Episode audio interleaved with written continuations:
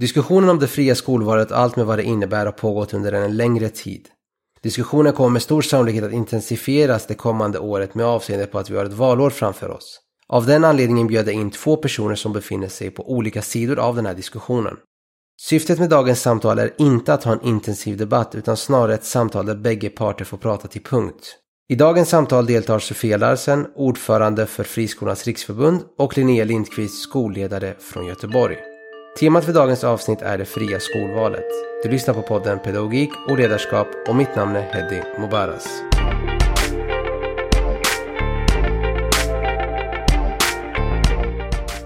Det är jättekul att ha er här båda två. Jag har faktiskt sett fram emot det här samtalet väldigt länge. Det var länge sedan jag poddade faktiskt och det är första gången jag har två stycken med samtidigt. Så det ska bli jätteroligt. Eh, vi har Sofia Larsen, du är tidigare riksdagsledamot för Centerpartiet. Du är chef eh, för samverkan och kommunikation på Örebro universitet och du är nuvarande VD för Friskolornas riksförbund och du har även jobbat för Academedia, sa du tidigare. Ja, jag är ordförande eh, för Friskolornas riksförbund eh, och eh, ja, jag har varit chefer för och Sveriges för och grundskolor inom Academedia tidigare. Jättebra. Och sen har vi Linnea Lindqvist, du är lärare sam i samhälle, religion och filosofi och idag arbetar du som skolledare i Göteborg. Du har erfarenhet från olika ytterstadsområden i både Stockholm och Göteborg. Precis. Och ni båda befinner er egentligen på två olika sidor av en diskussion som sker idag om det fria skolvalet och allt vad det innebär. Syftet med dagens samtal är att komma ifrån de här korta och många gånger orimliga, orimliga samtalsforum där fokus är väldigt mycket snabbhet och att det ska vara kompakt. Eh, vi ska ha lite mer längre diskussion eh, där ni båda ska få tala till punkt och få utveckla era resonemang. Eh, även fast vi är på olika sidor av en fråga så tror jag vi kan komma överens om att vi båda, eller vi alla här brinner för att alla barn ska lyckas inom skolan i Sverige. Ja, det är ju grunden och jag tror vi oavsett vilken driftsform man har på sin skola så, så har vi samma mål. Eh, vi har samma uppdrag. Eh, vi har bara lite olika form att organisera oss. Så att målet och engagemanget är ju detsamma. Och jag vill börja med skolvalet. Så i en artikel publicerad den 24 augusti 2021 i Aftonbladet, då redogör du Sofia med två andra skribenter eh, från Friskolans riksförbund om just vårt skolval. Mm. Ni menar att antalet barn och medarbetare i friskolor runt om i landet fortsätter att växa och idag är det en betydande andel elever som faktiskt går i friskolor. Samtidigt pågår en debatt om friskolornas vara eller icke vara. Och i den här artikeln beskriver du att vårt nuvarande system faktiskt kan fungera så för att minska segregation i våra städer. Kan du utveckla hur du tänker kring det? Ja men gärna. Och tack så jättemycket för att få vara med. Jag uppskattar också det här att faktiskt kunna få samtala. För jag tycker att det saknas mycket i debatten och precis som du säger, det blir korta, rappa eh, one-liners att faktiskt få grunda i frågor och prata kvalitet och prata valfrihet. Så jag är jätteglad för det, så stort tack. Jo, det är ju så att eh, det fria skolvalet eh, ehm, och föräldrars och elevers framförallt möjlighet att välja har ju använts mer än någonsin tidigare den här hösten. I höst eh, var det över 400 000 barn och elever som började i en fristående förskola, grundskola eller gymnasium. Så trots den här intensiva debatten vi har så har man faktiskt använt sig av rätten att kunna välja till eller rätten, som kanske ibland nästan ännu viktigare, att kunna välja från någonting där man inte passar in eller där det inte fungerar. Så ungefär 15 procent av eh, Sveriges grundskoleelever eh, går ju i en fristående verksamhet. Eh, och jag är väldigt glad och stolt över att vi faktiskt har den typen av valfrihet i vårt land. Eh, vi brukar prata om allemansrätt. Vi är stolta över det i Sverige, att alla har rätt och möjligheter till naturen oavsett eh, eh, bakgrund eller inkomster, vad det nu kan vara. Och vi har ju faktiskt också en, en allemansrätt vad gäller utbildning. Oavsett vilken tjocklek på plånboken du har, oavsett eh, vilken bakgrund Eh, så, så har man möjlighet att kunna välja, någonting som vi också skulle vilja utveckla. Eh, men att då koppla det till den boendesegregation som vi tyvärr ser är väldigt stark i vårt land, så finns det ju faktiskt här en öppning och en möjlighet att kunna välja ett annat område att gå i skolan. Istället för att som är mycket dyrare att använda plånboken att kunna köpa sig ett hus eller en dyr hyra eh, för att komma. Så att jag ser ju att eh, själva valfriheten också kan vara en murbräcka mot den boendesegregation vi har i vårt samhälle. Att det ges en chans och en möjlighet. Eh, och vi vet att det är många som vill välja och, och eh, jag och Friskolornas riksförbund vill ju också se nästa steg. Att det blir ett mer aktivt skolval, för det ser vi också på gymnasiet. Då kan vi få en ökad likvärdighet, det blir en bättre information, att vi tar fram tydliga kvalitetsindex så man får en bra grund att kunna välja utifrån. Så dit skulle vi vilja komma. Ja, och eh, om det här med aktiva skolvalet kan vi komma tillbaka till senare. Men angående resonemanget just om segregation, hur tänker du Linnea, kan det här fria skolvalet hjälpa oss att minska segregationen i våra storstäder?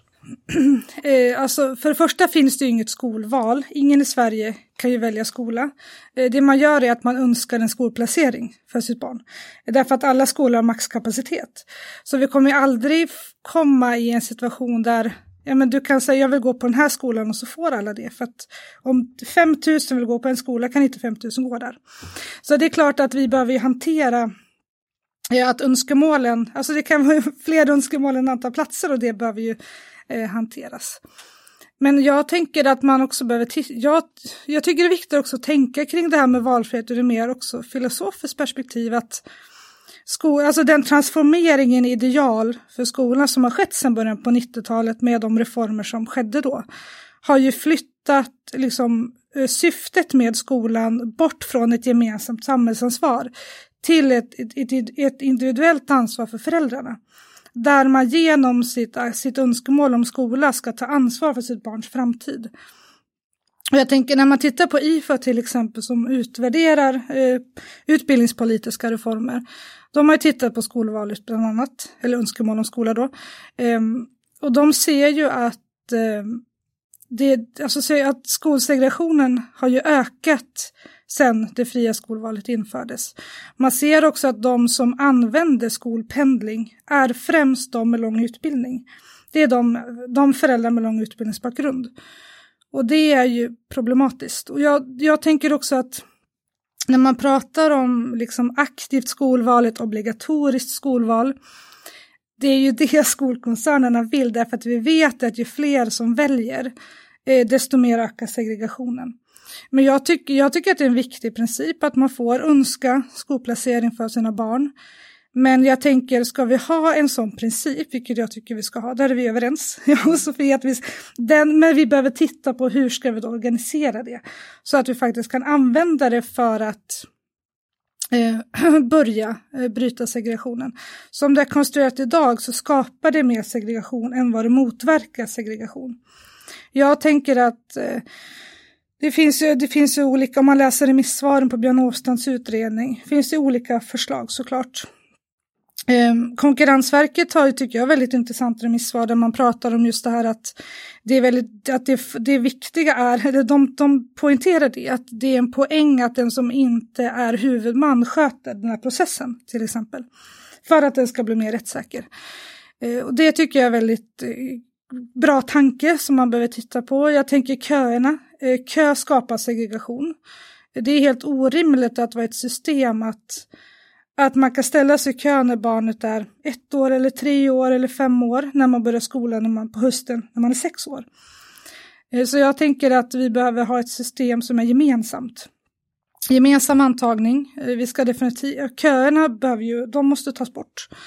Eh, därför att då får ju också alla samma möjlighet att önska skolplacering, samma tid, utifrån samma riktlinjer. Det administreras av samma, om det nu är Skolverket som måste föreslår.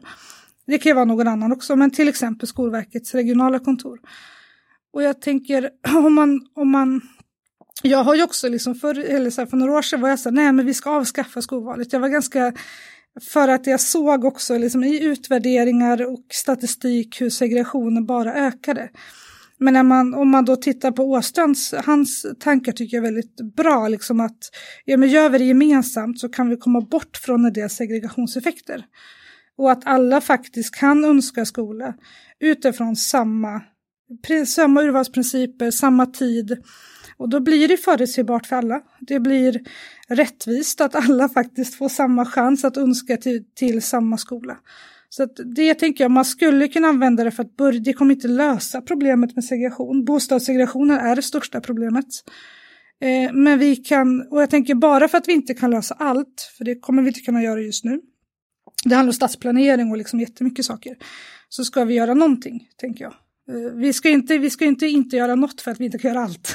Jag tänker vi får ju börja ta steg och sen får man ta till steg och liksom hitta vägar. Men jag tror det är jätteviktigt att det är gemensamt. Och gemensamt och samordnat är inte samma sak. Jag sa fel i förra podden, men det är lite pinsamt, såg jag, hörde jag sen. Att det är gemensamt vi ska, samordnat har vi ju idag i många kommuner. Att man, att man samarbetar kring skolval, fristående och kommunala. Det som är viktigt är att det blir gemensamt så att, så att vi tar bort köerna. Så att alla söker, önskar skola. Eh, utifrån samma principer och samma tid på året framför allt. Får, får jag bara ställa en fråga där. Menar du då att vi ska helt och hållet avskaffa de här köerna? Att allt ska vara slumpartat? Nej, inte slumpartat. Alltså, det rimliga är till exempel, vi börjar skolan i augusti eh, till exempel. Och då önskar man skolplacering kanske, eller skola, kanske i november. Mellan november och december, man brukar ungefär fyra veckor på sig i de flesta kommuner. Eh, det är väl rimligt. Och sen så får man ju ett besked kanske i då mars att den här platsen har du fått för ditt barn. Eh, och då och är det, är det så att det är för många sökande till en plats, ja, då får man köra lottning. Det är det mest rättvisa. Okay. Och det kommer inte vara problem på alla skolor. Det kommer vara problem på några skolor. Men alltså det får man ju ta så att säga. Såklart. Att det, är så. Eh, det låter som att ni båda är överens här om ett aktivt skolval. Nej, jag vill inte ha ett aktivt. Inte? Nej, vi ska ha ett gemensamt. Gemensamt, mm. okej. Okay. Då tolkar jag det fel. Terminologin är viktig här vet du. Ja, precis. Eh, jag pratade med Fredrik Lindgren, eh, Kunskapsskolans VD nyligen. Mm. Och han sa att det kan finnas ett problem om man gör det nationellt. Att det kan bli väldigt stort. Mm. Och att man kanske istället borde ha ett aktivt, eller nu vet jag inte vilken term han använde. Eh, men jag tolkar att han menar att vi skulle ha ett aktivt val men mer på kommunal nivå. Att det är mycket enklare att organisera. Mm. Han vill ha ett samordnat skolval. Är det så? Mm. Nej, jag, jag lyssnade och det var okay, det. det, det var samma mm. okay. Hur tänker du kring det? Nej, jag håller med om det och jag, jag tror också så här att ju närmare skolan, ju närmare föräldrar och elever man kan fatta beslut, desto bättre. Eh, en kommun vet ju hur, vilka förutsättningar som finns i den kommunen. Så jag har svårt att se att vi skulle centralisera. Ja, och vi är ju överens om mycket, eh, eh, men, men det är några saker som, som jag ser annorlunda på. Ehm, det ena handlar ju om att jag är helt övertygad om och jag eh, är väldigt tydlig med att jag tycker att det är mycket bättre att föräldrarna har och får ansvar för sina barn än att en kommunpolitiker till exempel eller en tjänsteman i kommunen ansvarar och väljer skola. För att vara maktlös, att inte kunna ha eller hjälplös i att kunna ha någon, eh, en åsikt om att det här, den här inriktningen, den här pedagogiken, den här miljön passar mitt barn bäst. Det har vi provat en gång i tiden och det var inte bra. Vi som, jag som gick i skolan på 70 80-talet vet ju hur det var när det inte den här möjligheten fanns att faktiskt söka sig till någonting som man tyckte var intressant och bra eller faktiskt också från någonting när man inte passade in eller inte mådde bra. Och det här att ha valfriheten eh, och att ha den här makten hos elever och föräldrar, det har ju väldigt många tagit för givet att valfriheten finns här och den tycker jag att vi ska värna. Och för att ha en valfrihet, det kräver ju att vi har en typ av mångfald. Och mångfald kräver faktiskt att vi också har förskolor eller eh, fristående skolor och att det finns förutsättningar för att driva dem. Så att den ekvationen är ganska enkel, men vi glömmer ofta, man säger så här, ja det är klart det ska vara valfrihet. Men sen så glömmer man bort att det krävs en mångfald och att det krävs olika typer av, av organisationer. Det jag väl också vill, vill påpeka, vi har en kraftfull boendesegregation och här är det ju, skolor har ett stort ansvar. Men min uppfattning är att skolor ska få jobba med, med kunskapsuppdraget och det skolan är bäst på. Sen får utanförskap, segregation, höga trösklar in på arbetsmarknaden och alla de delar, det måste kunna hanteras av våra beslutsfattare. Och ju mer vi kan se till att skolan får arbetsro, fokus på kunskap, fokus på det som sker i klassrummet, fokus på att se till att vi får, att vi får de bästa lärarna, det kommer göra att vi får skolor som blir riktigt, riktigt bra, oavsett organisationsform. Och det kommer vara en superviktig murbräcka mot både utanförskap och segregation. Att låta skolan göra sitt uppdrag, det tycker jag är viktigt. Sen är jag för att vi, vi håller med dig om eh, till viss del att vi behöver samla skolvalet. Det tycker jag är bra. Eh, att vi har en gemensam plattform, att vi har ett aktivt skolval. Jag skulle vilja se ett obligatoriskt skolval med tydliga integrationer. Ja, men så här ser det faktiskt ut. Så här ser kvaliteten ut på de olika skolorna. Och den här pedagogiken och inriktningen finns. Eh, så det tycker jag är viktigt. Sen kommer man ju till tillfällen där man kan se att ah, det är nog kanske några fler som har valt den här eller önskat den här skolan. Sen vet vi också att det finns kommuner som faktiskt har jobbat stenhårt med det här. Om jag kommer ihåg rätt så har Nacka som har, har ett aktivt skolval, det är 97 procent av eleverna som kommer in på sitt förstahandsval. Så att det går ju att landa och går att hitta processer. Eh, att man tar det som, som kommun och faktiskt hanterar det här. Sen vad gäller kö, eh, ja, jag håller med om i diskussionen så säger man så, oh, man ska inte sätta sitt barn när man kommer ut från BB. Nej, det tycker inte jag eller vi heller. Sen är ju bara det ett fåtal skolor i, i Sverige det där sker att man sätter sitt barn under det första levnadsåret. En tredjedel av alla fristående skolor har ingen kö alls. Och tittar man på eh, lärarfackens egna genomgång så är det ungefär 80 procent av friskolorna som har max två år i kö. Så att köfrågan i det stora hela ser inte jag som den största utmaningen för svensk skola, utan det är att vi behöver ha fokus på kunskapsutdrag, att det är för många som, som lämnar grundskolan utan tillräckliga kunskaper. Vi behöver ha ett annat fokus.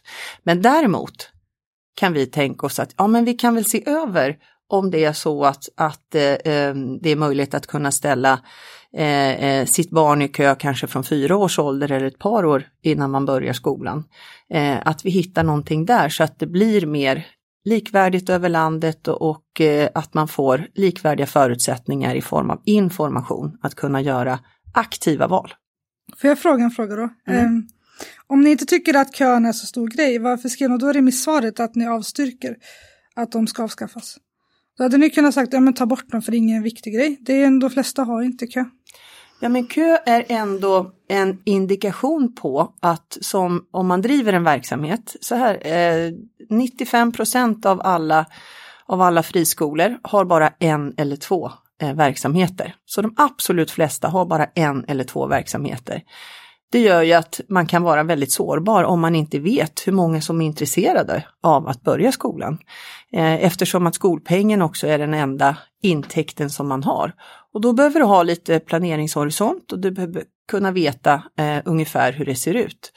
Eh, sen är ju det vi anser att kö är det bästa som vi kan se just idag, eh, urvalsinstrumentet. Men som sagt att det ser inte ut som man, man kan tro i debatten ibland, att alla friskolor har helt fulla klassrum och att det, det, du måste stå i kö under x antal år. Det ser inte riktigt ut så, utan ser väldigt, väldigt olika ut. De flesta kommer in på, på det val man gör, eh, kanske inte efter en vecka, men kanske lite längre tid. Så att det finns stora möjligheter. Och här tror jag hellre att vi pratar ihop oss, hitta den här gemensamma plattformen för aktivt skolval och att vi jobbar gemensamt. För jag, jag tycker det är tråkigt att vi har lite det här skyttegravarna mellan, mellan huvudman istället för att liksom kroka arm och, och diskutera det som är väsentligt för skolan. Och det är ju till exempel skolval och skolpeng. Det är där vi måste börja, tänker jag. För att det är förutsättningar för att sen kunna göra skola. Då kan vi gå vidare mm. till nästa del, vilket är faktiskt skolpeng. Mm. Och där har ju ni två skrivit debattartiklar fram och tillbaka i Skolvärlden, tror jag. Ah, Skolvärlden den 21 september 2021. Linnea, jag vill börja med dig. Du skriver så här att eh, de kommunala skolorna måste bli kompenserade för sitt utbudsansvar, annars finns det en risk att det dräneras på resurser. Kan du utveckla det här resonemanget? Ja, nej, ja, det är ingen risk, det är så. Jag har ju läst eh, över 800 skolbudgetar så att jag kan ju faktiskt berätta hur det ligger till. Nej men alltså skolpengens konstruktion var ju början då när, eh, när reformen infördes i början på 90-talet. Då hade ju, eh, det skriver Beatrice Ask i den propositionen innan friskolereformen, att, eh, att vi ska likvär, alltså likvärdiga ekonomiska förutsättningar betyder inte att man ska ha lika mycket skolpeng. Och där skrev man ju också att kommuner ska få ett skolpliktsavdrag på 15 procent för sina merkostnader. Och nu har det gått eh, 30 år eh, och sen då 97, är också viktigt att säga, då slöt ju Miljöpartiet och sossarna en allmän politisk uppgörelse. Och då fick friskolorna rätt till 100 procent av kommunens eh, genomsnittliga kostnad. Och det var ju liksom det största misstaget i deras partis historia, som hoppas de skäms över varje dag. Eh, och det, efter det så började ju segregationen att skena. Därför att det gick ganska kort tid efter då det beslutet, 97, då började skolkoncernen att etablera sig. Därför att det blev extremt lönsamt att starta skola i Sverige. Eftersom vi har skolpeng per elev och vi dessutom har lika skolpeng, den är inte likvärdig men den är lika, så får det, då får ju det konsekvensen att du har ju överskott på varje elev i skolkoncernerna. Jag läser deras årsredovisningar och det står ju i klartext att det är så. Eh, och problemet är ju, eh, vi har fristå, fristående skolor och kommunala skolor har olika uppdrag. Eh, kommunala huvudmän måste ha skolplacering till alla elever. Eh, man har ett öppenhetsrekvisit. En kommunal huvudman kan inte neka en elev en skolplacering. Man måste ta emot alla elever oavsett deras behov. Det behöver inte friskolor göra. De har ju, blir det en ekonomisk skada får de hänvisa till en kommunal skola. Så att det, det är helt olika uppdrag. Och konsekvensen då när vi har lika skolpeng eh, är ju att, att ersättningen för kommunens huvudmannansvar skickas till friskolesektorn, vilket gör den överkompenserad. Eh, och det är ju inte rimligt. Sen är det så, jag förstår också problematiken, man, man är orolig för de mindre ideella försko- eller friskolorna. De minskar antal, de är ett utdöende släkte. Eh, det är skolkoncerner som tar över. Men jag tänker att det är inte rimligt att en hel sektor är överfinansierad för att värna en mindre del ideella. Då behöver man hitta en lösning på det. Men problemet när skolpengen inte är differentierad är ju att eftersom friskole, friskolekoncernerna har ju lägre undervisningskostnad per elev. Det skapar ju incitament, alltså skolpengens konstruktion skapar ett incitament för lönsamhet. Och det går liksom inte att misslyckas som skolkoncern eftersom att vi har skapat den här skolpengsmodellen som genererar överskott på varje elev och det är problematiskt. Eh, så att kommunen, nu när kommunen inte får ersättning för de tomma skolplatserna så skapar det underskott för varje elev då som lämnar den kommunala skolan. Och det ökar genomsnittskostnaden per elev. Därför att kommunen räknar ut ett snitt på alla sina elever och så ser man då blev det så här mycket deb i skolpengen. Då går samma peng ut till friskolorna. Och om det då, säger att Engelska skolan öppnar, till exempel i Härryda då, där de vill öppna, då får Härryda 700 platser för mycket. Engelska skolan behövs inte här Ryda. Eh, de har skolplacering till alla barn. Och då, då blir det 700 tomma platser. Då blir det en nedskärning på ungefär 2000 kronor per elev i den kommunala skolan. De i Sundsvall skapas det underskott. De har betalat eh, på tre år 108,5 miljoner i retroaktiv ersättning till friskolorna för att de har tomma skolplatser. Och en kommun kan ju heller inte lägga ner liksom alla, för att alla invånare i en kommun bor inte på samma geografiska plats. Därför blir ju huvudmannansvaret kostnadsdrivande. Eh, därför att vissa, vissa, i vissa delar av en kommun bor det jättemånga med barn i grundskoleålder. I andra delar av en kommun bor det färre, men du kan ju fortfarande inte bara skola på ett ställe. För att ingen elev ska ha, ska ha orimligt långt till sin skola. Så att kommuner står med överfulla skolor och halvfulla skolor. De kan inte flytta elever från en skola till en annan, för då kanske den andra eleverna får för långt till sin skola. Så att de här merkostnaderna utgår det ingen ersättning för. Så att det är därför som skolpengen måste differentieras.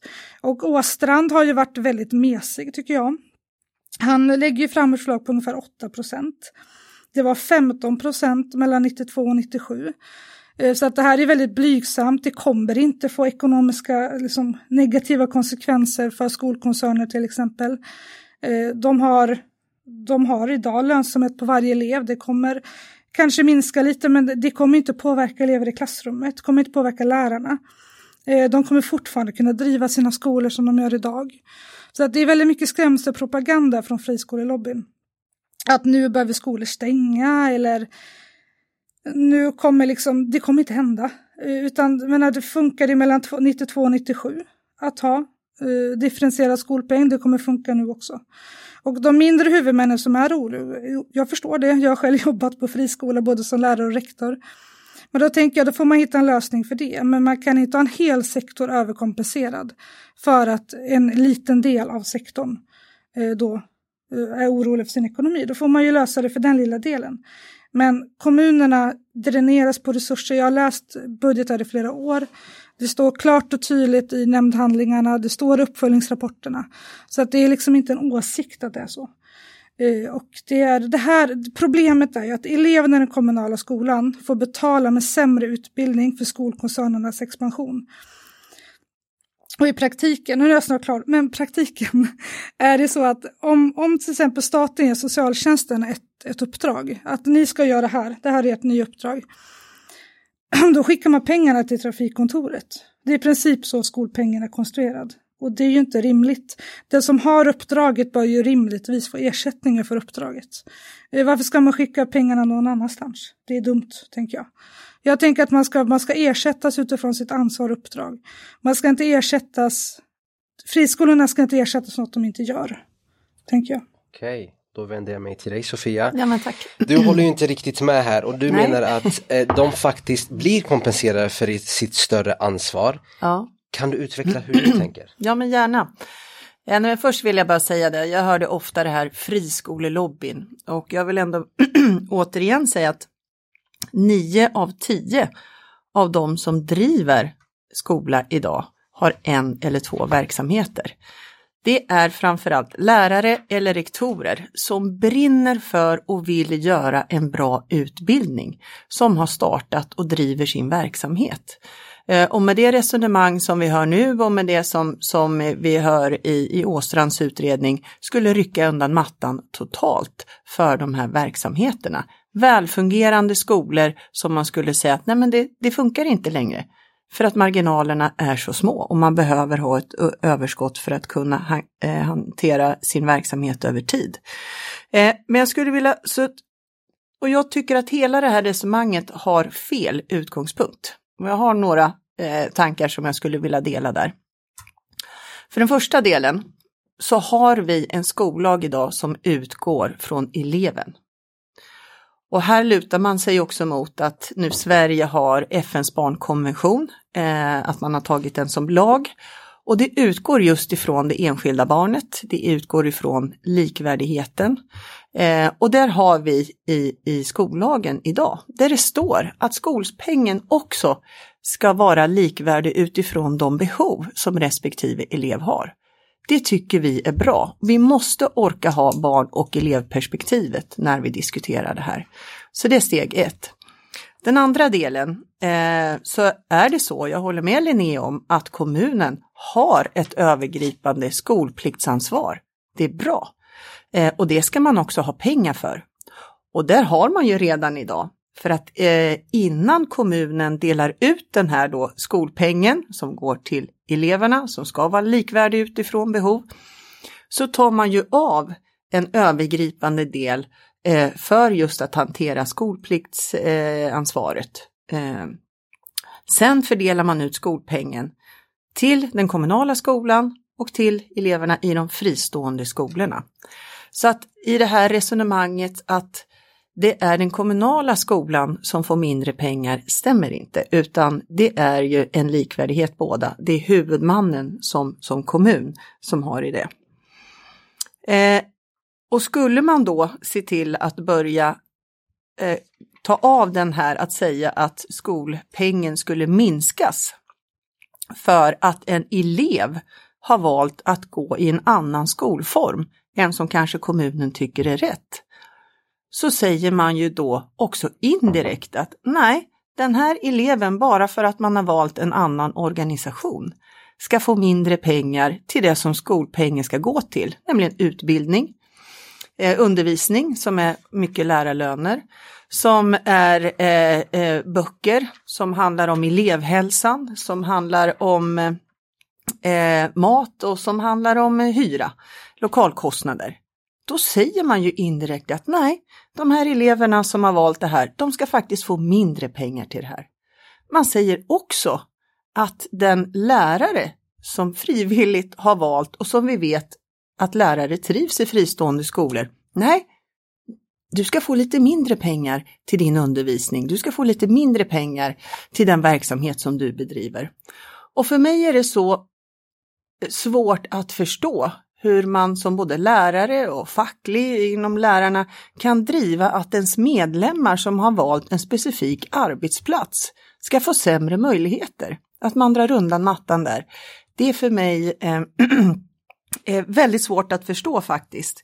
Hur man på det sättet kan säga att nej, eh, ni ska inte ha samma förutsättningar som andra. Eh, och skulle man nu, eh, och vi vet ju också utifrån SCB statistik och utifrån forskning också som visar att redan idag så är ju friskolorna mindre kompenserade än vad de kommunala skolorna är. Eh, och ett par utgångspunkter där. Dels så har man en schablon på administration och dels så läggs det i kommunerna en del övergripande saker som projekt och annat eh, på huvudmannanivå eh, som kommer kommunala skolorna till del. Men en stor puck i det här, det är ju också den hyreskostnad eller lokalkostnad där fristående skolor får eh, betala marknadsmässiga hyror. Men de kommunala skolorna oftast har en lägre hyra genom de kommunala bolagen. Men det absolut viktigaste i det resonemang jag vill lyfta fram, det är att vi riskerar att få att likvärdigheten dras isär. Att vi får sämre utgångspunkter för elever och lärare som jobbar i fristående skolor. Eh, och att vi också gör så att vi drar undan mattan för välfungerande friskolor eh, genom att man så direkt drar ner på skolpengen att väldigt många inte skulle kunna driva sin skola vidare. Och det skulle ju då innebära att vi vet, tyvärr, vi får eh, information om det var och varannan dag när, när de här eh, som har en eller två verksamheter också inser att ja, men det här kommer inte vi klara oss på. Man kommer att få lägga ner en välfungerande skola som elever, föräldrar men faktiskt också lärare har valt att finnas inom. Och det tycker jag är en fel utgångspunkt och ett märkligt resonemang. Linnea, vad tänker du om det här eh, just resonemanget vi hör där att man för drastiskt minskar förutsättningarna för mindre fristående enheter? Nej men alltså jag förstår deras oro. Jag har själv jobbat på en mindre friskola men jag tänker då får man hitta en lösning för det. Men vi kan inte ha ett system där en hel sektor är överkompenserad. Och sen har ju Sofia faktiskt fel i några saker. När man blandar ihop myndighetsansvar med eh, huvudmannansvar, det är inte samma sak. Utan det är kommunerna, kommunerna får enligt skollagen lägga undan resurser för myndighetsansvaret. Alltså att fördela resurser utifrån elevernas behov. Men det är inte det som driver kostnaden. Kostnaden drivs av huvudmannaansvaret. Och det är därför skolpengen då behöver differentieras. Och skolpengen går ju inte till eleverna. Alltså elever har inte en egen skolpeng de kan shoppa utbildning för. Utan skolpengen till, tillfaller ju huvudmannen. Och sen är det huvudmannen som fördelar resurser till sina skolor. Så att det är inte så att, det är inte så att liksom Kalle får minskad skolpeng med 8 procent. Och så får Kalle färre läromedel. Inte, alltså, utan skolpengen går till huvudmannen som sen fördelar. Eh, och då får man ju välja, då får man ju välja att fördela eh, min, alltså resurser, mindre resurser till andra saker inom sin koncern till exempel. Så att, och sen är det så att det, man pratar ju ofta om 10 000 kronor per år eller per elev då att friskolor har lägre. Och det stämmer ju. Alltså kommuner, men det handlar inte om intäkter. Kostnad och intäkt är inte samma sak, utan de 10 000 handlar om de, de kostnader som kommunen har enligt för myndighetsansvaret, alltså variation i, i alltså elevunderlaget. kommuner har ju, det är dyrare att bedriva, en, att bedriva undervisning i kommunal skola. För att man har eh, färre föräldrar med eftergymnasial utbildning. Så att där har man ju kompensation för, eh, för socioekonomi och annat. Utan de 10 000 är heller inte huvudmannansvaret. Och det Björn Åstrand diskuterar, det är inte myndighetsansvaret. Strukturersättningen är inte samma sak som skol, det är inte en del av skolpengen till exempel. Och sen med hyran är det så, ja, alltså i vissa kommuner får friskolor för lite, i många får de för mycket. Eh, friskolor får ersättning utifrån kommunens genomsnittliga hyreskostnad. De får ersättning för kommunens motsvarande, alltså till exempel skolgårdar har ju friskolor generellt mycket mindre skolgårdar än kommunala skolor, men de har, de har ersättning för kommunens stora skolgårdar. Så där är de överkompenserade hyresmässigt. Och jag tänker det där jämnar väl ut sig. Alltså skolgården kan man kvitta mot kanske lite mer marknadshyror. Så att det tänker jag att, och det är också ett, jag tycker också att det är ett underbetyg för Sverige. Att vi har ett finansieringssystem som inte går att följa upp. Eh, jag ser det när jag läser alla budgetar också att eh, jag ser att man räknar ut socioekonomiska index på olika sätt. Eh, man har Alltså vi har 290 fördelningsnycklar i kommunerna. Så att den utredningen nu som tittar på det utifrån ett, ett, ett som skolpengen ska bli statlig är ju jätteintressant tycker jag. För att där behöver vi Alltså vi behöver titta på det. Är det verkligen rimligt att, att vi liksom har... Jag har ju följt upp det, men det är för att jag har lagt flera hundra timmar av min fritid på att läsa budgetar. Men normala människor gör ju inte det, eh, vilket jag förstår. Det är lite knäppt, men det är enda sättet att faktiskt få veta hur ser det ut. Det är att läsa, för att det är enda sättet att följa upp vårt skolsystem. Men jag tycker det är jätteviktigt att man håller isär myndighetsansvar med huvudmannansvar. Det är inte samma sak. Och jag tänker också så här, varför ska friskolor ha samma ersättning som kommunala skolor? De har lägre andel behöriga lärare till exempel. Eh, de har samma eh, de har ju rätt till samma ersättning för särskilt stöd fast de har färre elever som behöver särskilt stöd. Eh, och de får ersättning för ett ansvar de inte har. Och jag tycker inte att det är rimligt. Jag tycker inte trafikkontoret ska få ersättning för socialtjänstens uppdrag heller. Det är heller inte rimligt om man hade, haft, om man hade applicerat våran skolpeng på den verksamheten hade det varit samma konsekvens. Så jag tycker att det är jätteviktigt att vi verkligen ser över finansieringen, att vi får en likvärdig, att, att vi... Sen kan jag tycka så här, Bild, Moderaterna vill ha 15 procent skolpliktsavdrag. Sossarna eh, tog bort det. Eh, sen, sen nu vill man införa 8 procent, det är väldigt, väldigt blygsamt. Eh, jag tänker, nu vill ju sossarna liksom gå tillbaka till Moderaternas skolpolitik men på 90-talet och Moderaterna vill ha sossarna så det är lite hela havet stormar där. Vilken reform man vill värna. Men jag tänker att det är liksom inte rimligt ur ett eh, om man tittar på skollagen säger det liksom att utbildningen ska vara likvärdig varhelst den anordnas. Då kan vi inte ha det här finansieringssystemet som går tvärt emot det. Och jag tycker det, det, det är inte rimligt heller att elever i den kommunala skolan får betala det här överfinansieringen till friskolorna med sämre utbildning och det är det som blir konsekvensen. Eh, och jag, alltså jag, vet inte, jag, jag har ju spenderat 16 år i skolan och verkligen Alltså likvärdighetsfrågan är så otroligt, otroligt central och vi måste våga ta i den. Och då tänker jag så här, då måste man också våga överge, alltså se bortom lite sin ideologi och titta så här, men vad blir bäst för eleverna? Det bästa för eleverna är ju om det blir likvärdiga förutsättningar. Eh, det, det, det finns inget som påverkar lärarnas arbetsmiljö så negativt som det här sättet att finansiera skolan. Så att, för mig handlar inte det här om liksom någon prestige eller liksom att man ska är det ideologi. Det handlar om att, eh, att vi faktiskt äventyrar vår samhällsutveckling. Det säger jättemånga när jag, jag lunchade med en eh, hög chef inom näringslivet för ett tag sedan som är liksom fly förbannad på det här systemet för att de ser ju att vi får jätteproblem med kompetensförsörjningen. Vi kom, det kommer vara jättesvårt om ett, om ett par år om vi fortsätter så här. Eh, så att, eh, ja, vi har mycket att göra och jag tror att vi behöver lägga från oss ideologi och liksom prestige och verkligen säga så här. Ja, det kanske blir en ekonomisk smäll för vissa, men då är det värt det. För att vi ändå räddar utbildningen för 85 procent av, av Sveriges grundskoleelever. Eh, och jag tror faktiskt inte att det kommer det kommer vara jobbigt för vissa mindre, men då får man hitta lösning för dem. Det tycker jag absolut, det bör man titta på. Men skolkoncernerna kommer ju inte, deras elever kommer inte drabbas därför att de gör redan ett överskott på varje elev. Jag förstår. Sofia, du ska få en möjlighet att bemöta Ja, men tackar, tackar. Nej, men jag håller med dig Linnea om att eh, Självklart är det så att vi, vi eh, behöver se till att vi har en god kompetens fortsatt i Sverige. Det är ju svensk konkurrenskraft och det har vi haft och det ska vi fortsätta ha. Vi ska konkurrera med god kunskap om innovationer. Eh, om vi ska kunna göra det, om vi ska kunna se till att eh, vi har eh, elever och medborgare som kommer ut i arbetslivet med tillräckliga kunskaper, för att både studera vidare, för att eh, kunna ta något jobb någonstans eller för att kunna starta eget, så måste man ha med sig bra kunskap i bagaget. Och just därför så, så, jag håller med dig, vi behöver lägga bort de här ideologiska delarna och faktiskt ha fokus på det som är de verkliga problemen i svensk skola. Vi har för många elever som lämnar både grundskola och gymnasieskola utan tillräckliga kunskaper.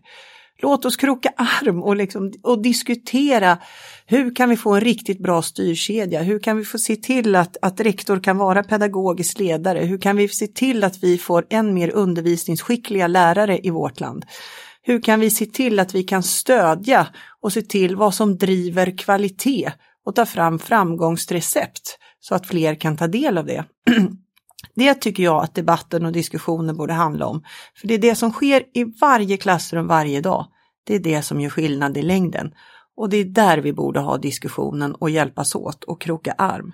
Så där håller jag med dig om att vi behöver göra. Och då är det ju så att vi behöver se till att alla våra eh, skolor i Sverige behöver få den möjligheten att bli bra, bli bra skolor och då behöver vi ha fokus på det som faktiskt stärker kvaliteten. Eh, Sen håller jag inte med dig om att, att eh, det kommer inte spela någon roll om vi gör en justering på 8 eller 15 procent i, i skolpengen. För det kommer det. Eh, vi har tittat på och Almega har tittat på om det skulle göras en sån justering. De har räknat ganska lågt. Så ser vi har väl ungefär drygt 170 000 elever i fristående grundskolor i Sverige. Hälften av dem riskerar att stå utan en skola eh, om man skulle göra de justeringar. För att överskotten är så pass små på, på, för grundskolorna att risken är att man inte klarar sig långsiktigt. Och vi vill ju ha långsiktiga spelregler som gör att man kan satsa på kvalitet, att vi kan satsa på att vara en god arbetsgivare så vi får en bra miljö för våra lärare och medarbetare på skolorna. Att vi kan satsa på skolgårdar om det är det, och vi kan satsa på digitala verktyg. Om man ska kunna göra det så behöver man också ett överskott. Och med de här, som du tycker Linnea, ganska små justeringarna, det kommer få ganska stora negativa effekter. Och vi kommer att dra isär likvärdigheten. Det kommer också innebära faktiskt att det kommer påverka eleverna, det kommer påverka lärarna. Eh, så att där har vi olika åsikter. Jag skulle också vilja säga att jag har, jag har inte hört någon under mina år som jag jobbat med, med skol och utbildningsfrågor så, och rest runt och besökt massor med skolor runt om i Sverige, så har jag aldrig hört att någon skola har sagt så här, nej, en kommunal skola. Här på den här skolan har vi det här uppdraget att x antal platser ska stå tomma. Eller vi har x antal tid för de här lärarna som inte har arbetsuppgifter för att vi väntar, ska vänta på om vi, någon ska komma till vår skola eller inte. Det är ju inte så det fungerar. Jag vet inte om du har exempel på det, men jag har aldrig hört det. Utan här är det ju så att det här eh, utbudsansvaret finns, för det sker ju en kontinuerlig, elever flyttar eller man flyttar in, det händer saker. Man väljer faktiskt också skola, man, man, man som elev väljer att kanske börja på en annan skola och då frigörs det platser. Så här, jag, jag har inte hört det och eh, ehm, eh, så därför är ju den här diskussionen om att man måste hålla tomma platser och det finns också tomma platser återigen på våra fristående verksamheter. Och skulle det vara så i en kommun att det sker någonting drastiskt som när vi hade flyktingkrisen 2015, då var jag ansvarig för Academedias grundskolor. Vad gjorde vi då? Då samlades vi inom Skolsverige och vi sa så här, vi behöver hjälpas åt. Vi öppnade upp för våra skolor för att ta emot flyktingbarn som kom. Kommunen gjorde så också vid det tillfället, så blir det saker som vi säger att men här behöver vi kroka arm. Då gör vi ju det. För när man jobbar i skolans värld så är just eleverna och barnen liksom det viktigaste fokuset. Jag vill avsluta med att säga att, att eh, jag håller med dig också om att vi vet ju inte riktigt hur, hur skolpengen ser ut. Eh, det vet vi inte, det är jättesvårt att tränga in i den. Och eh, det är jättesvårt att få, få en överblick om alltid hur mycket som, som läggs inom skolpengen och vad som läggs, förutom det som står i skollagen ska vara där. Och där tycker jag och vi att, att skolkostnadsutredningen hade ett gott förslag. Ehm, och jag tycker nu att låt SKR få uppdrag att faktiskt titta på vad ska vara vad ska det innefatta? Eh, vad ska skolpengen innefatta? Vad, som, vad ska vara där? Så att det också blir en likvärdighet eh, runt om i landet. Men den ska vara likvärdig utifrån elevens behov, inte utifrån vilken skola eleven går på. Nej, men jag tänker, alltså dels är det så här, en skolmarknad kan ju aldrig vara likvärdig. Det ligger hela marknads, hela konkurrens och marknadsprinciperna. Så att vill man likvärdig skola kan vi ju inte ha en skolmarknad överhuvudtaget. Men jag tänker vi kan göra skolan mer likvärdig inom systemet. Sen det här med tomma platser, jo men alltså jag, när jag läser alla upp, uppföljningsrapporter och så, där står det ju klart och tydligt hur många platser som, har, som är, har blivit tomma, så att säga. Jag pratade med en rektorskollega här i höstas som Eh, på en månad tappade 24 elever till en, en enskild huvudman. Och det är klart att det, för det var ju inte liksom, det var ju inte eh, 2A som slutade. Eh, det var ju typ tre i varje klass. Och det är det som blir problemet när vi också har för Björn Åstrand är också ett bra förslag att man ska kunna välja skola, alltså inte hela tiden. Man ska inte kunna byta skola fem gånger på ett läsår. Utan att man faktiskt ska ha skolbytesperioder. Och det tycker jag också är rimligt för att också stävja kundbeteendet, att är man inte nöjd så går man till nästa ställe. Men tomma, tomma skolplatser uppstår. De uppstår dels när friskolor eller enskilda huvudmän etablerar sig eller expanderar. Eh, Sigtuna är 500 platser över eh, nu till exempel. Eh, Salems kommun tappar 137 elever till Jensen i Botkyrka. Det finns, jag har gett massor med sådana exempel. Eh, Upplands Väsby fick Engelska skolan, det vart ett underskott på Väsbyskolan på 5,8 miljoner. Eh, Solna har fått ett, ett underskott på 2,6 och så vidare. Så att det, det, så är det ju. Det står ju i nämndhandlingarna. Så att det är ingen, ingen åsikt. Men sen tänker jag också så här att det är ju eh, Ja, det kan vara svårt för vissa mindre huvudmän och så vidare, men det är fortfarande frivilligt att starta en skola. Det är ingen som tvingar någon att öppna en skola. Eh, och jag tänker, man vet ju om förutsättningarna. Och blir det en, en differentierad, vilket det kommer bli en differentierad skolpeng, frågan är bara när. Eh, då får man ju ta, då får man ju själv fundera på som huvudman, vill jag driva skola eller vill jag inte? Och vill man inte det får man ju eh, avveckla. Och det är så, kommunen har ju alltid risken för alla eftersom att man har utbudsansvar.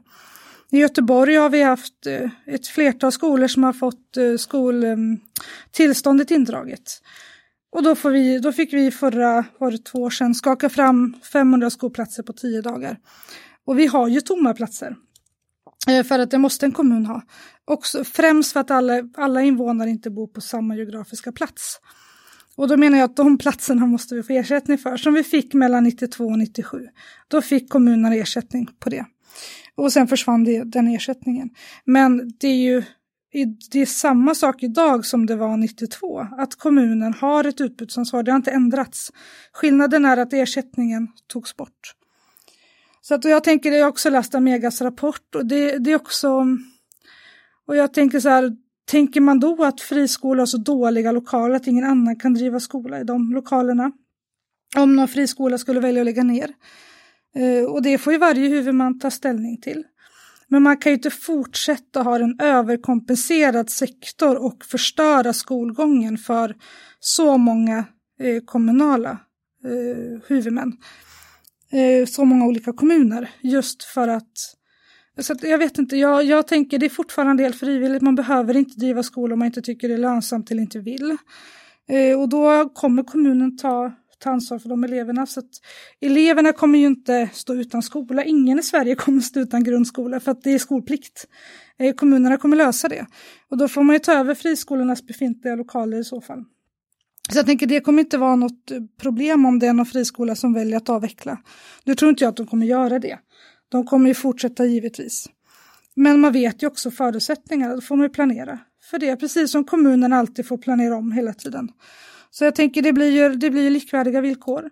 Det friskolorna får för problem då, det är de vi problem har idag. Då delar vi lite på problemet och eh, skapar en mer likvärdiga förutsättningar. Så jag tänker att det är helt, eh, helt rimligt. Jag tror inte att, eh, att så många kommer lägga ner. Okej, vi delar på problemet. Vad tänker du Sofia?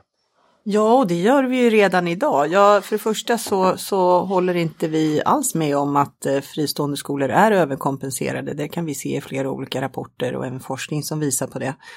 Eh, men eh, ja, eh, och det är ju inte heller så, ibland kan det låta som att det är någon fri etableringsrätt av, av eh, fristående grundskolor runt om i landet. Det är det absolut inte. Det är väldigt, väldigt tuffa prövningar eh, som Skolinspektionen har. Man ska ha tuffa prövningar på att man kan hantera kvalitet, på att man också har en ekonomi som är hållbar över tid.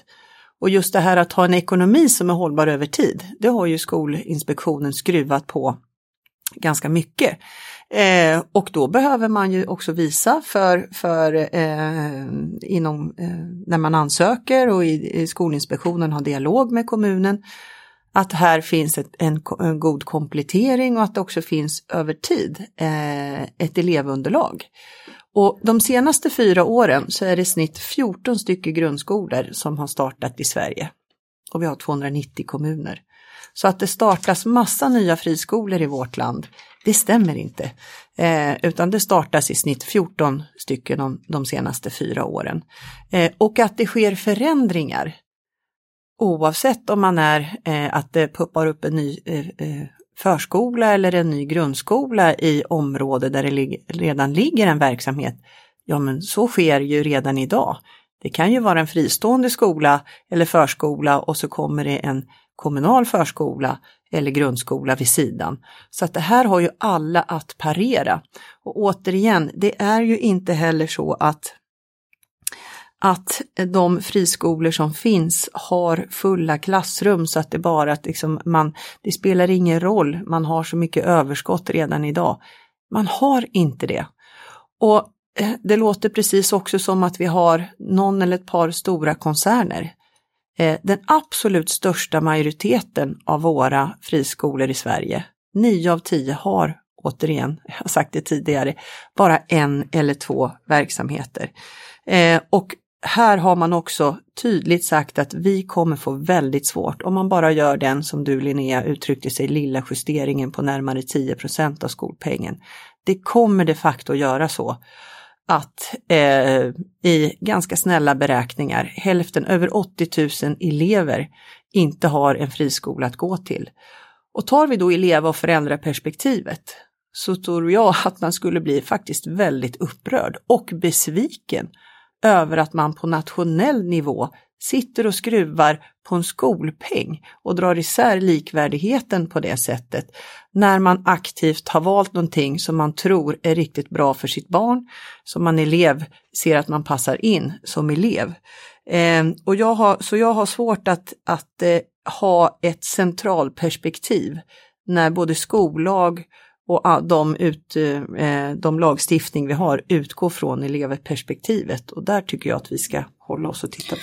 Men jag tänker också, eh, alltså jag tänker, ska vi ha då så oseriösa huvudmän som säger så här, nej men om inte vi får den här beloppen då, då lägger vi ner. Det är inte heller seriöst. Vill vi ha sådana på skolans område?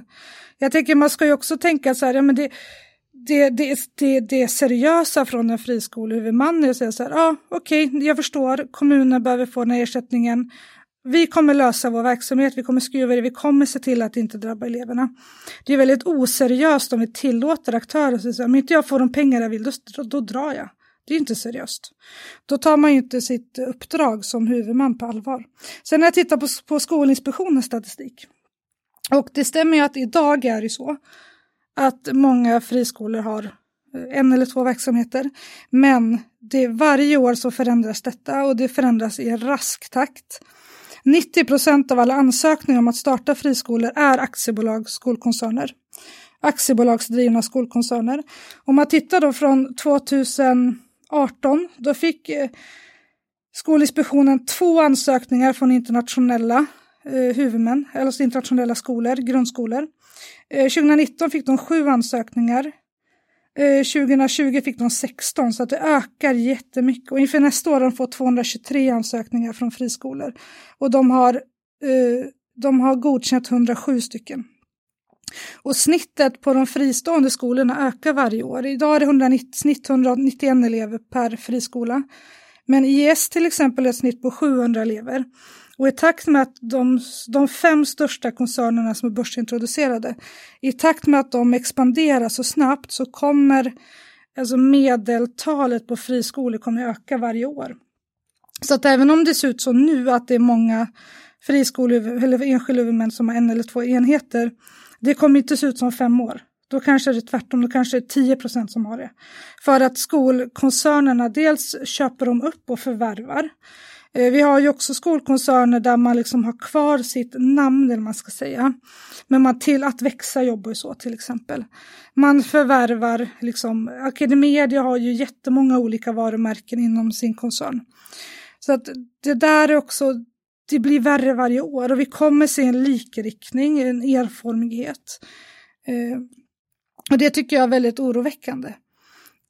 Och om man tittar också på de elever, ökningen av elever som går i aktiebolagsdrivna friskolor så har det ökat från 55, 57 till 70 procent mellan 2009 och 2017. Så att trenden är ju, det säger Skolinspektionen senast nu i november i deras PM, att vi går mot en friskolemarknad där det är i princip det är skolkoncerner i stor utsträckning internationell inriktning som etablerar sig.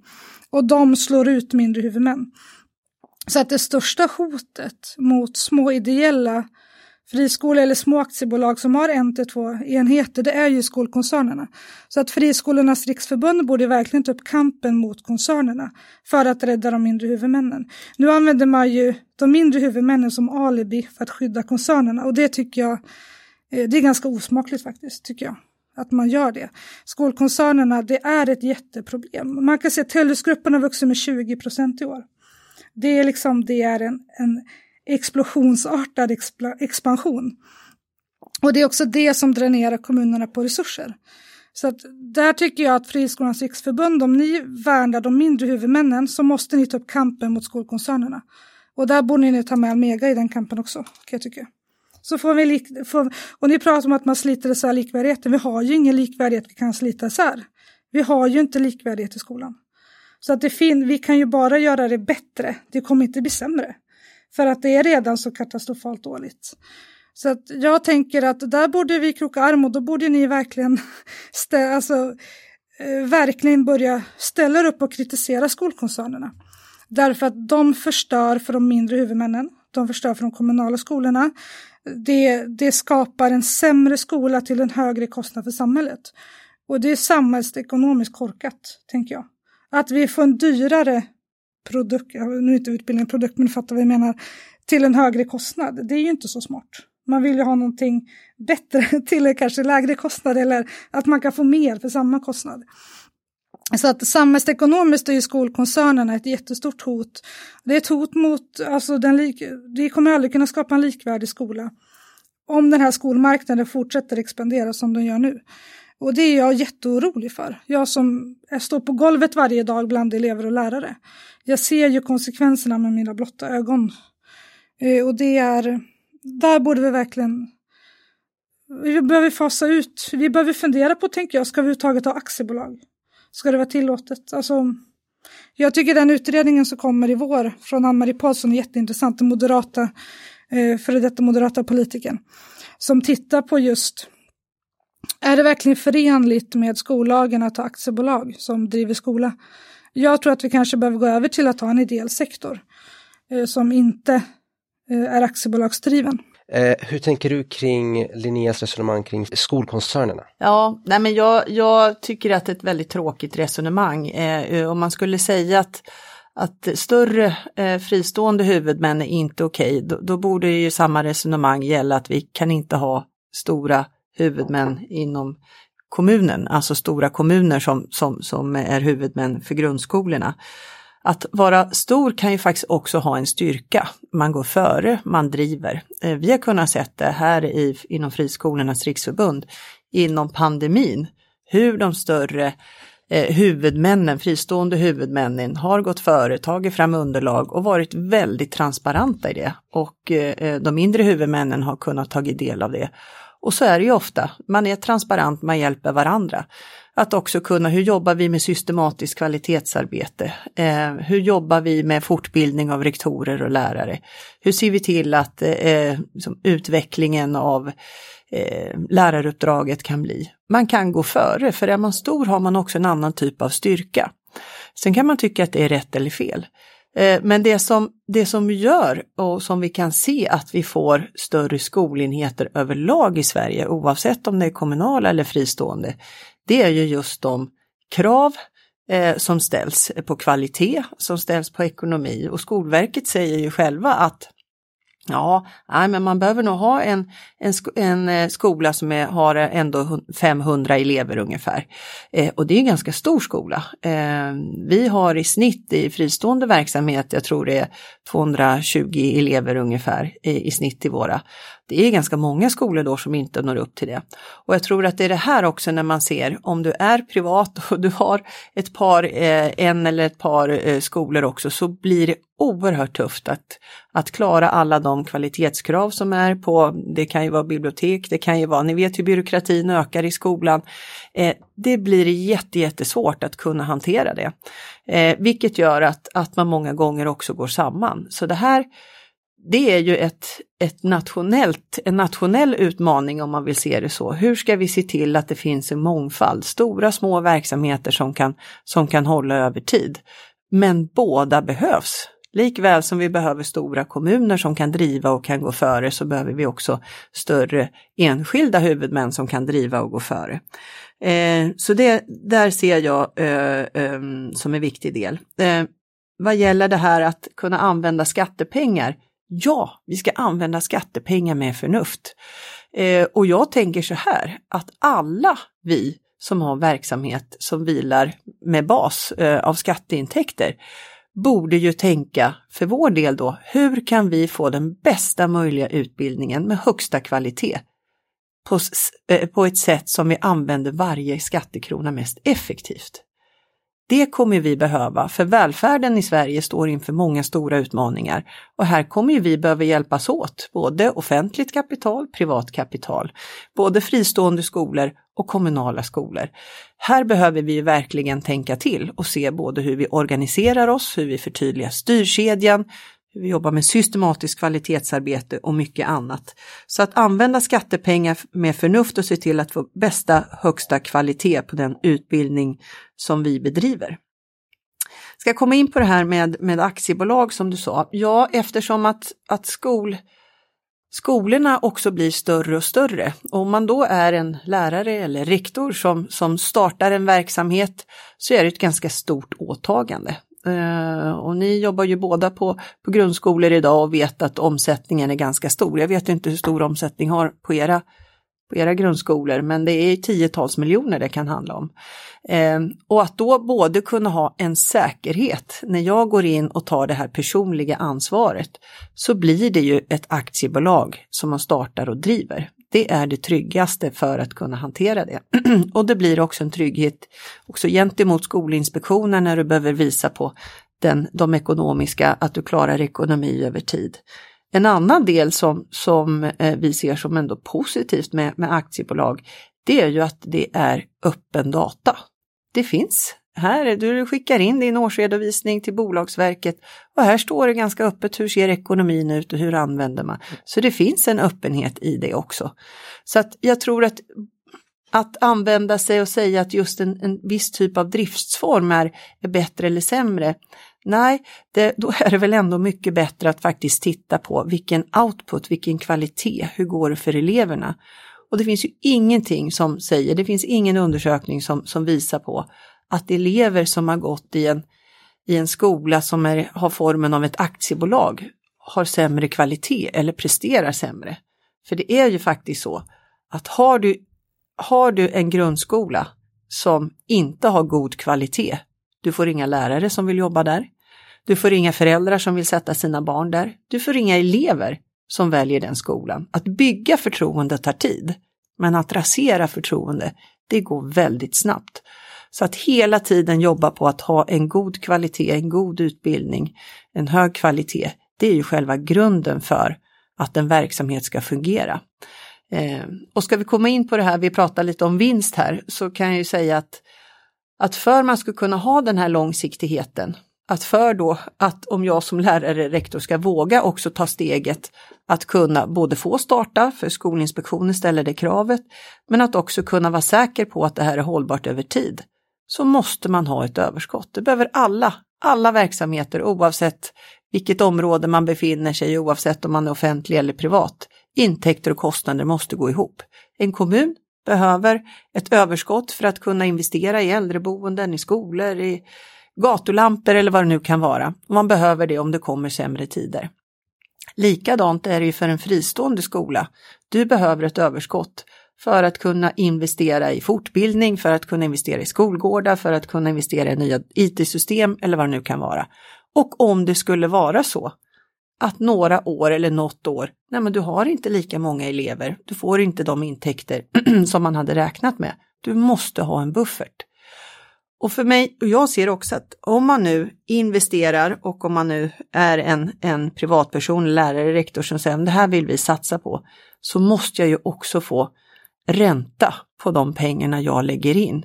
Eller ett, att kunna ta ut lite eh, pengar eller vinst i det. Det måste ju vara okej. Okay. Och om vi tittar på om man är ett företag eller entreprenör och gör det, så har vi ju finns det ju ingen som ser att ja, men här vill jag gå in och riska en massa pengar utan att man får någon typ av ränta tillbaka.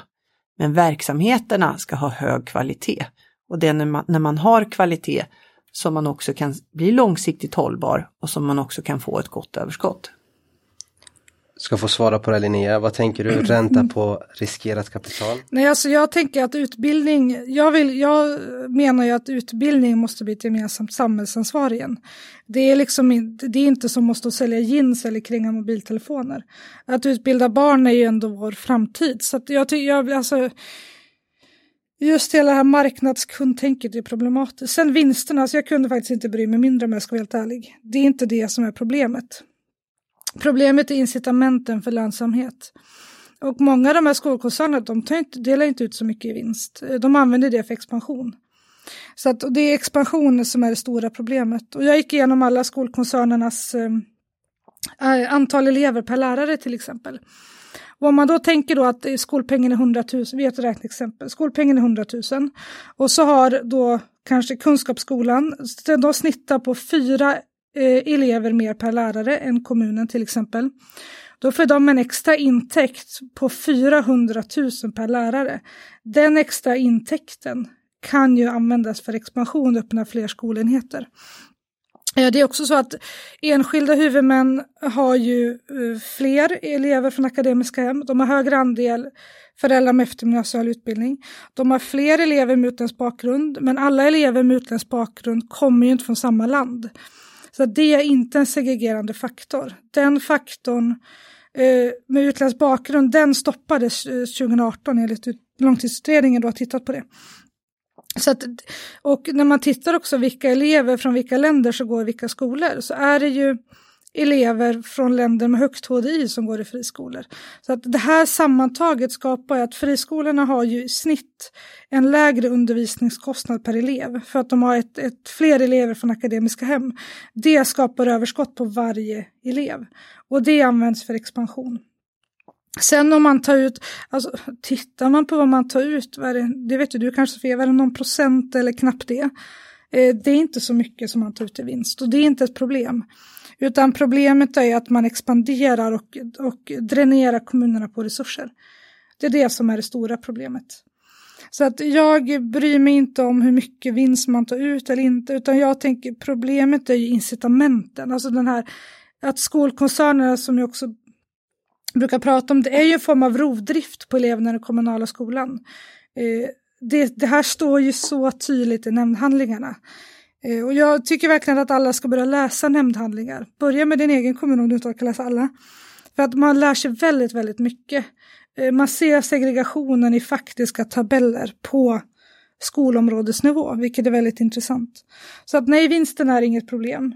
Eh, och skulle man förbjuda vinst, eh, vilket man, det kommer kanske bli så framöver, eh, då kommer man plocka ut pengar på andra sätt.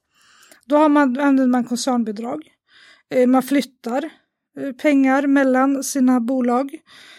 Och så att man kom, det där kan vi inte komma åt med vinstförbud. Vi måste gå på incitamentet. Att man, att man lockar till sig ett, ett högpresterande elevunderlag. Det är det stora problemet. Avs och inte mycket man tar ut i vinst. Så. Avslutande kommentar, felaktigt incitament. Vad säger du Sofia? Ja, nej men jag tycker att det är en felaktig utgångspunkt. Eh, snarare där. För det första så är det ju inte friskolor som väljer elever. Det är elever och föräldrar som väljer en friskola. Så det är ju själva grunden. Eh, så det, det, är inte det, är det, eh, det förhållningssättet som finns. Eh, jag skulle också vilja säga att, att eh, om man ska ha ett konsekvenstänk i det här med att, att gå med vinst och koppla till utbildning så borde man ju dra det hela vägen. Då borde ju inte eh, det som är kopplat till skolpengen, till exempel läromedel. De som säljer läromedel får göra vinst. Man borde inte vara möjlighet att göra eh, vinst på den mat som serveras på skolan, byggbolagen som gör. Utan det här handlar, så det, det, det är ett, eh, jag tycker inte att det finns ett konsekvenstänk här, utan skulle vi säga så att att välfärden, som det nu är äldrevård eller om det är skolan, eh, då borde det gälla all verksamhet och det tror jag att man inser då att ja, men det kommer ju inte funka. Utan att driver man någonting då får man den möjligheten. Eh, där man måste kunna gå med överskott för att också kunna leverera någonting med go god kvalitet. Det gör ju också kommunerna. Eh, kommunerna behöver också gå med överskott. Eh, sen är det ju så här att, att vad gäller skolpengen jag tror ju att vi ser ju så här inom gymnasieskolan. Där har vi en mer likvärdig, om man tittar på socioekonomisk bakgrund. Och därför tror ju jag också på att ett aktivt skolval inom grundskolan skulle faktiskt öka eh, mångfalden också inom de fristående skolorna. Eh, med eh, god kvalitetsinsyn så att man vet vad man väljer med ett aktivt skolval. Eh, så skulle vi få en ännu bättre möjlighet för alla att kunna göra det valet.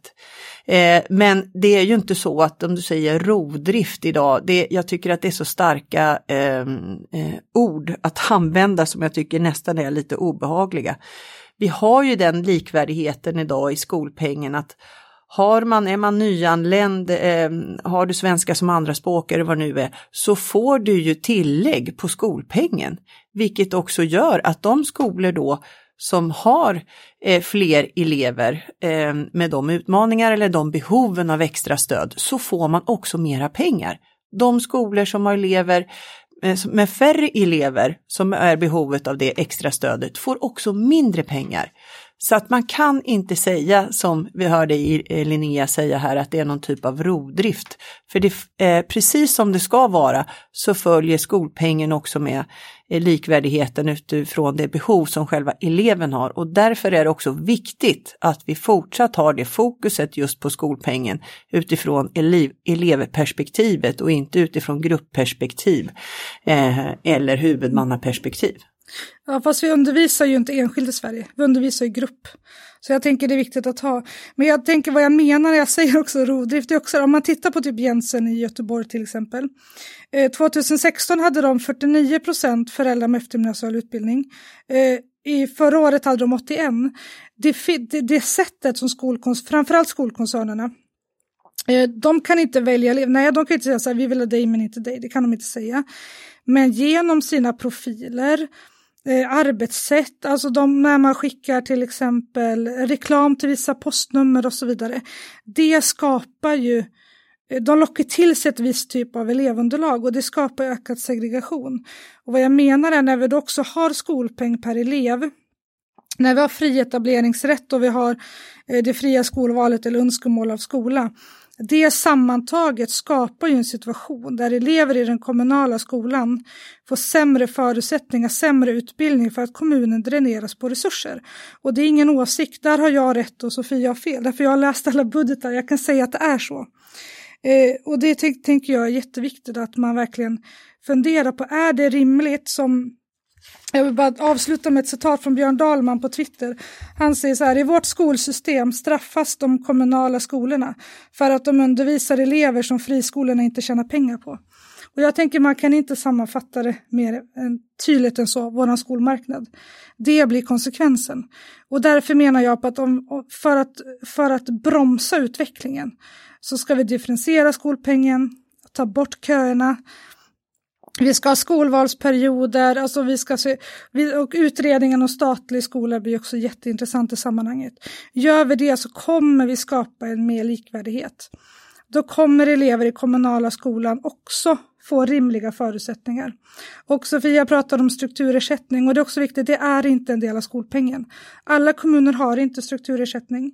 Den som har lägst har en halv procent, den som har mest har 20.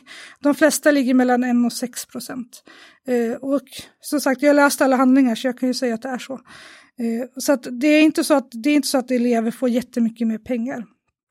Vissa kommuner, det finns, jag har hittat fyra kommuner som har över 15 procent av 290. Så att det där är också något som ofta sägs att man har strukturersättning. Några har det, många har det inte. Eh, många kommuner skriver i nämndhandlingarna att strukturersättningen är så låg att det inte ger någon effekt. Eh, man tar bort den från förskolan för att rädda grundskolan och så vidare. Så att det går inte att säga att man har mer pengar, det är inte så. Vissa kommuner, men långt ifrån alla. Sista kommentaren Sofia. Ja, nej men eh, det, det är ju så att skolpengen ska utgå från eleven och eh, för att få den än mer likvärdig över landet så tycker jag att, att SKR skulle få ett uppdrag att titta på vad ska ingå i den så att vi får den likvärdigheten.